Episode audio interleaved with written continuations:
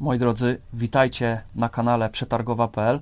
Dziś w odcinku e, szczególnym, ponieważ poruszymy tematykę e, po raz pierwszy na naszym kanale cyberbezpieczeństwa e, i jest dzisiaj ze mną Eryk Brodnicki, który jest inspektorem ochrony danych i opiekuje się tym obszarem u nas w zespole, ale jak to mm, mamy już doświadczenia, talentów w naszym zespole jest wiele i Eryk e, dodatkowo ma jeszcze licencję detektywa i posiada certyfikat audytora do spraw cyberbezpieczeństwa.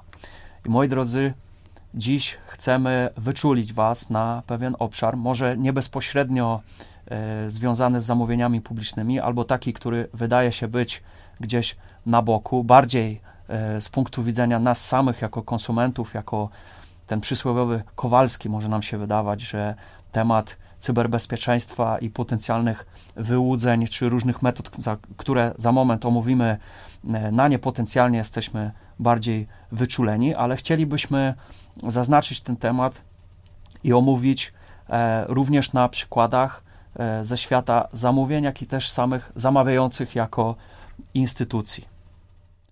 Sponsorem odcinka jest Open Nexus, lider elektronizacji Ryku, mam do Ciebie prośbę. Gdybyśmy mogli metodycznie od samego e, początku te klocuszki poukładać, tak żeby nasi widzowie e, zrozumieli metody e, i sposoby, które są stosowane przez cyber oszustów, jak ich nazywać tak naprawdę. Myślę, że określenie cyberprzestępców będzie najlepsze bo to są cyberprzestępcy. Myślę, że też y, warto by było pokazać pewien rys historyczny. Kiedyś, jak dochodziło do przestępstw, to doskonale ty pamiętasz, nie żebym ci y, wypominał wiek, jesteśmy ale rówieśnikami. jesteśmy praktycznie rówieśnikami. Y, te przestępstwa wyglądały troszeczkę inaczej niż teraz w XXI wieku. Kiedyś kradło się portfel, kradło się kluczyki do samochodu, kartę kredytową, dużo ciężej można było zastrzec kartę kredytową, nosiliśmy dużo więcej gotówki, zupełnie inaczej to wyglądało. Dzisiaj, jak często szkole w urzędach, czy też w innych instytucjach, zadaję sobie pytanie i też puszczam je w ile osób ma tak naprawdę gotówkę przy sobie. Dzisiaj płacimy blikiem, telefonem, różnego rodzaju innymi rozwiązaniami. Dlatego też przestępcy musieli ewoluować i dać sobie taki przedrostek cyber, czyli przenieść się do cyberprzestrzeni, żeby w sposób troszeczkę bardziej wyszukany, bo w białych rękawiczkach nas okradać.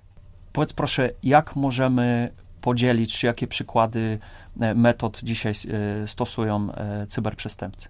Wszystko tak naprawdę stanowi o ataku socjotechnicznym. Z tą socjotechniką się spotykamy na co dzień. No dzisiaj, jeśli sobie maszerujemy na przykład do marketu, gdzie y, zauważymy y, pieczywo, najczęściej na samym końcu sklepu, po to, żebyśmy pomaszerowali przez cały sklep i ewentualnie coś do tego pieczywa dokupili. To jest czyste podejście takie socjotechniczne, żeby wymusić pewnego rodzaju zachowania na konsumentach.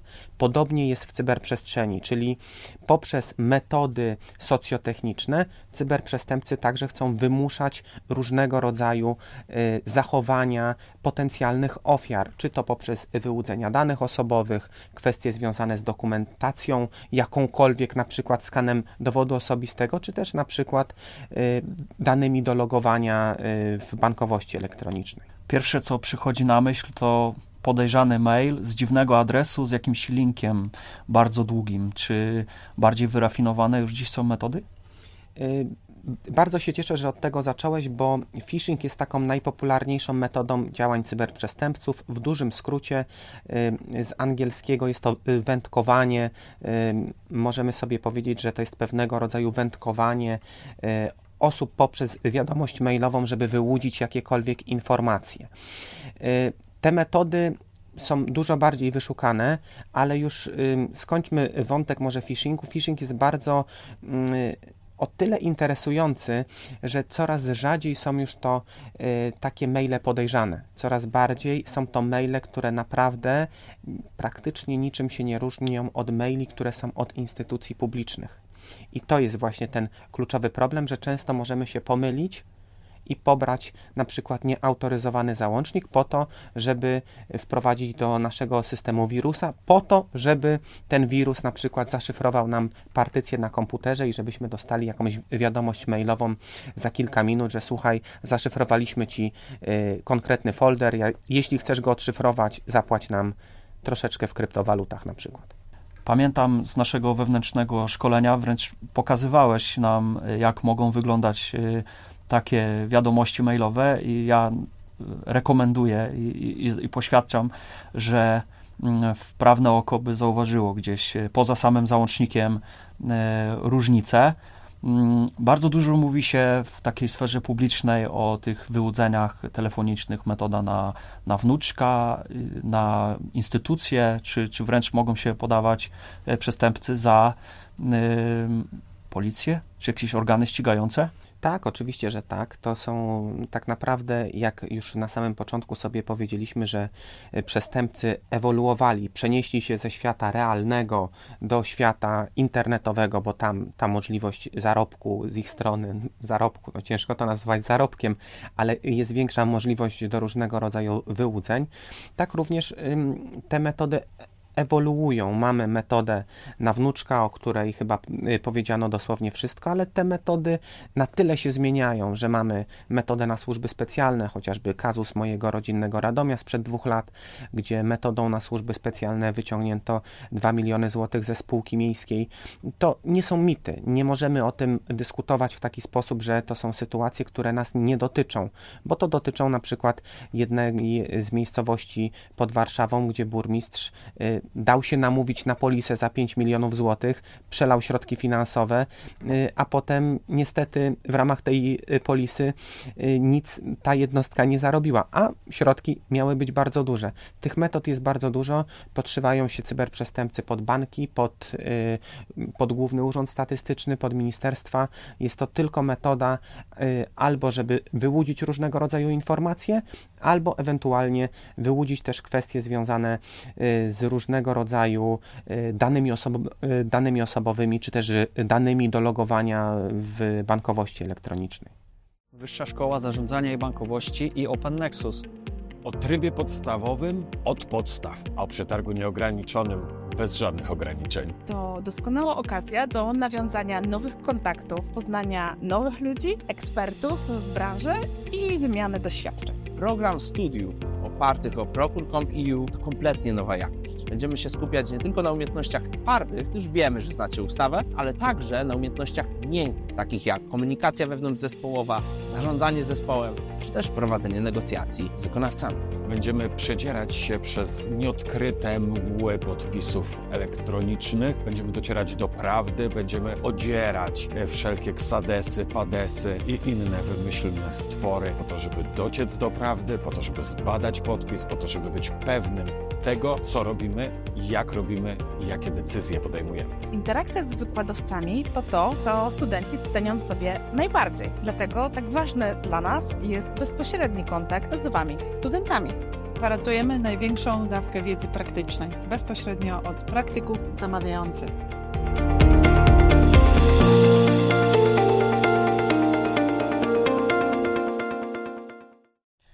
Potencjalnie, żeby tu był zalążek y, w naszej rozmowie y, zamówieniowy. Tak doszliśmy wspólnie do wniosku przed nagraniem, jak dyskutowaliśmy, że potencjalnie obszarem bardzo mocno, którym mogą się interesować przestępcy, są odpowiednie wydziały w ramach całej instytucji. I tu wskazywaliśmy kadry i notabene zamówienia publiczne, bo też zwróćmy uwagę, że e, kontakt do nas, czy to numer telefonu, czy, czy adres mailowy jest zawsze na stronie głównej zamawiającego, a z punktu widzenia e, tego, co chcą oni osiągnąć, to potencjalnie właśnie wskazaliśmy, czy wskazałbyś jeszcze któryś obszar w ramach instytucji, który potencjalnie jest atrakcyjny dla e, przestępców? Myślę, że śmiało dział księgowości, generalnie jest tak, że cyberprzestępca szuka y, takich wydziałów, tak jak to nazwaliśmy, y, czy też y, różnego rodzaju y, sekcji w instytucjach, gdzie są pieniądze. On nie napisze do specjalisty do spraw BHP, bo wie, że tam nie ma fizycznie pieniędzy. On nie napisze y, na przykład, nie wiem, do działu, który się zajmuje y, powielaniem map, no bo wie, że tam nie ma pieniędzy. On będzie szukał takich jednostek, między innymi tak jak zamówienia publiczne, tak jak księgowość, tak jak kadry, żeby poprzez różnego rodzaju techniki socjotechniczne albo wyłudzić pieniądze, albo zainfekować nasz komputer, żeby mieć dostęp do sieci, żeby mieć dostęp ewentualnie do y, komputera urzędowego. Zwróćmy uwagę na to, ile zamówienia publiczne y, wy, y, wymieniają maili pod kątem y, potencjalnych wykonawców, pod kątem realizacji umowy, pod kątem zawarcia umowy, to tak naprawdę generuje różnego rodzaju ryzyka, że ten cyberprzestępca może się śmiało wstrzelić i wyłudzić jakieś dobra. To nawet y, w dziale księgowości mówiłeś mi o tym, że to może być potwierdzenie płatności dotyczącej faktury, tak? Tak, wyobraźmy sobie, że są takie metody działań cyberprzestępców, którzy piszą do wydziałów podatkowych i jest to klasyczny mail, który mówi o tym, że przepraszam, spóźniłem się z płatnością podatku, w załączeniu zamieszczam zapłatę wykonania przelewu. Y, przelewu bardzo proszę, abyście Państwo nie uwzględniali żadnej kary umownej, wiem, że się spóźniłem 2-3 dni. Na chłopski rozum, kolokwialnie rzecz ujmując, każdy stwierdzi, no ktoś się pomylił, wy, wysłał potwierdzenie przelewu, potwierdzenie przelewu dostaniemy dzisiaj, przelew pewnie w, w, wpłynie jutro, chcemy zachować jakiś termin, może żeby ta osoba miała niższą karę, a to nic bardziej mylnego jak to, że mamy do, do czynienia z atakiem w formie phishingu, czyli ktoś chce, abyśmy pobrali jakiś konkretny załącznik, żeby na przykład zainfekować komputer. Biorąc pod uwagę rolę i odpowiedzialności, to wydaje się, że y, nasi informatycy, przykładowo w urzędzie, zadbali o to, żebyśmy mieli y, antywirusa, NordVPN-a może, czy, czy pokrewne narzędzie, jakiegoś firewalla na, na mailu i takie domeny są odrzucane automatycznie już na serwerze zamawiającego. Ale czy to wystarcza w Twojej ocenie? Czy, czy, czy to jest bariera do przejścia nadal? Y, zdecydowanie jest to bariera do przejścia, na przykład poprzez nieużywanie polskich znaków w mailu. Ale myślę, że warto zahaczyć przede wszystkim o kwestie związane z budowaniem świadomości, bo tak naprawdę najsłabszym elementem systemu zarządzania bezpieczeństwem informacji zawsze jest człowiek. My możemy zainwestować właśnie w takie środki, o których mówiłeś, możemy mówić o UTM-ach, o świetnych antywirusach, mówić o kopiach zapasowych i też możemy zrobić z tego oddzielny odcinek. Ale prawda jest taka, że nic nie zastąpi świadomości użytkownika. Jeśli ten użytkownik nie będzie świadomy tego, że cyberprzestępcy się mogą podszywać na przykład pod Pocztę Polską, że wyśle ci informację, cyberprzestępca powie, słuchaj, listonosz nie zastał cię dzisiaj w domu, y, pobierz y, awizo, y, zanieś je na pocztę i, i odbierzesz paczkę. Stwierdzisz, że no tak, poczta może się cyfryzuje, już coraz mniej papieru, coraz więcej załatwiamy w formie elektronicznej, a to jest nic innego jak atak phishingowy. Dlatego też budowanie tej świadomości społecznej pod kątem tego, że y, to, że mamy antywirusa, to, że mamy UTM-a, to, że mamy kopie zapasowe, to, że mamy świetne skrzynki, to nie oznacza, że ktoś nie przyśle do nas informacji, na przykład w formie już, już wspominanego phishingu, gdzie ktoś się podszyje pod wykonawcę i powie, Szanowni Państwo, w ubiegłym roku Państwo y, zakupowali ode mnie środki czystości. Proszę bardzo, w załączniku znajdziecie Państwo y, zaktualizowane ceny z uwagi na inflację. Czy to jest, y, czy tutaj dochodzi do jakiegoś wymuszenia, jakiegoś zastraszenia, czegokolwiek? Nie. No brzmi to niewinnie po prostu. Bardzo niewinnie, ale skutecznie. Charakter edukacyjny ma dzisiejszy nasz odcinek i tak traktujcie jako przestrogę, ale Eryku, co moglibyśmy, skoro ustaliliśmy, czy przy, przyjmiemy hipotetycznie, że tym najsłabszym ogniwem e, będzie czynnik ludzki, to o czym pamiętać, na co być wyczulonym, na co zwrócić uwagę szczególną? Jeśli chodzi o instytucje, czy to publiczne, czy o prywatne, to są kwestie związane z budowaniem świadomości. Często mamy to do czynienia, że y, traktujemy bezpieczeństwo informacji w sposób proceduralny, czyli otwieramy tutaj sobie szafeczkę, mamy tych pułkowników, tych procedur nakupowanych, nikt tam nie zagląda i zupełnie nie ma to wymiaru praktycznego. Ale my żyjemy w w sposób praktyczny w cyberprzestrzeni. My doszukujemy się różnego rodzaju zadań w tym zakresie i trzeba o tym pamiętać, że właśnie cykliczne szkolenia, właśnie kwestie związane y, z podnoszeniem tej świadomości pracowników y, niesie za sobą dobre rezultaty. Czemu o tym chcę powiedzieć? Nie dlatego, że jestem szkoleniowcem, że takie szkolenia prowadzę, ale praktycznie nie, nie miałem takiej grupy na sali, czy to wśród studentów, czy urzędników, czy sektora prywatnego, żeby już nie generalizować. Żeby ktoś na sali, jeśli robię szkolenie, jest 20, 30, 40 osób, czasem więcej na sali, żeby ktoś mi powiedział, 80% ma logowanie dwustopniowe do mediów społecznościowych. Zawsze są to pojedyncze osoby, a to między innymi jedna ze świetnych metod przeciwdziałania cyberprzestępczości, bo nawet jeśli ktoś wykradnie nam login i hasło, to zawsze musi się potwierdzić, zautoryzować, zautoryzować SMS poprzez SMS. Mhm. Y, nawet y, czytnik linii papilarnych w telefonie y, to, to cieszy, bo to jest rzeczywiście mała rzecz, ale ja się przez to czuję nawet bezpieczniej. Eryku, tak jak dziś się spotkaliśmy, ja poniekąd czuję się e, ojcem chrzestnym Platformy Edukacyjnej e, Przetargos, która e, służy do tego, żeby propagować wiedzę w świecie zamówień publicznych. Ty też jesteś ojcem chrzestnym Platformy Edukacyjnej, prawda? Nawet myślę, że takim klasycznym ojcem, a nie chrzestnym, tak więc tak, zdecydowanie tak.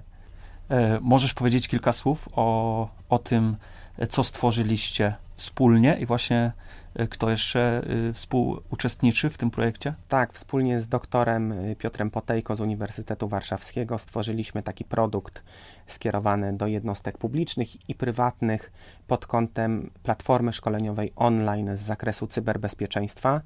Jest to pokłosie naszych licznych audytów, czy to pod kątem cyfrowej gminy, czy to pod kątem cyfrowego powiatu, teraz cyfrowego województwa i widzimy tutaj bardzo wyraźną potrzebę tego, żeby budować tą świadomość, zgodnie zresztą z ustawą o Krajowym Systemie Cyberbezpieczeństwa w społeczeństwie. Osiem specjalnych, dedykowanych modułów, innymi o phishingu, innymi o takich praktycznych sposobach przeciwdziałania e, zagrożeniom, duży, dużo materiałów wideo, dużo ćwiczeń praktycznych, automatycznie generowany certyfikat. Bardzo takie praktyczne rozwiązanie, na przykład dla szpitali, bo wiem doskonale, że szpitale są szczególnie narażone na cyberataki i też wiem, że jeśli przychodzę na szkolenie, to nie jest tak, że y, kierownik jednostki powie: Słuchajcie, dzisiaj mamy szkolenie z cyberbezpieczeństwa, chirurgia, proszę y, nie przeprowadzać operacji, a SOR proszę zamknąć, bo przyszedł pan szkoleniowiec z cyberbezpieczeństwa. Nie ma takiej możliwości. W tym przypadku tylko platforma szkoleniowa w formie online daje nam taką gwarancję podnoszenia świadomości. Moi drodzy, nie traktujcie tego jako czystą reklamę, tylko dowód słuszności społecznej, bo my mamy to szczęście, że mamy Eryka u siebie w zespole i z jego dorobku e, możemy czerpać. E, tym dorobkiem też jest w stanie Eryk się z Wami e, podzielić. Wszystkie informacje macie w linku. E, dajcie znać, czy ten temat mamy rozwijać w kolejnych odcinkach. Jak z Ameryka, to z chęcią podejmie rękawice. Ja też się zobowiązuję. E, dzisiejsze spotkanie traktujcie proszę jako przestrogę. E, pamiętajcie, abyśmy byli czy to w zamówieniach publicznych i w obszarze naszej działalności, czy jako konsument, jako ten przysłowiowy Kowalski w internecie, żebyśmy dbali o swoje bezpieczeństwo. I z takim przesłaniem, moi drodzy, dziś Was zostawiamy. Eryku, bardzo Ci dziękuję za dzisiejsze spotkanie. Moi drodzy, do zobaczenia w kolejnych odcinkach.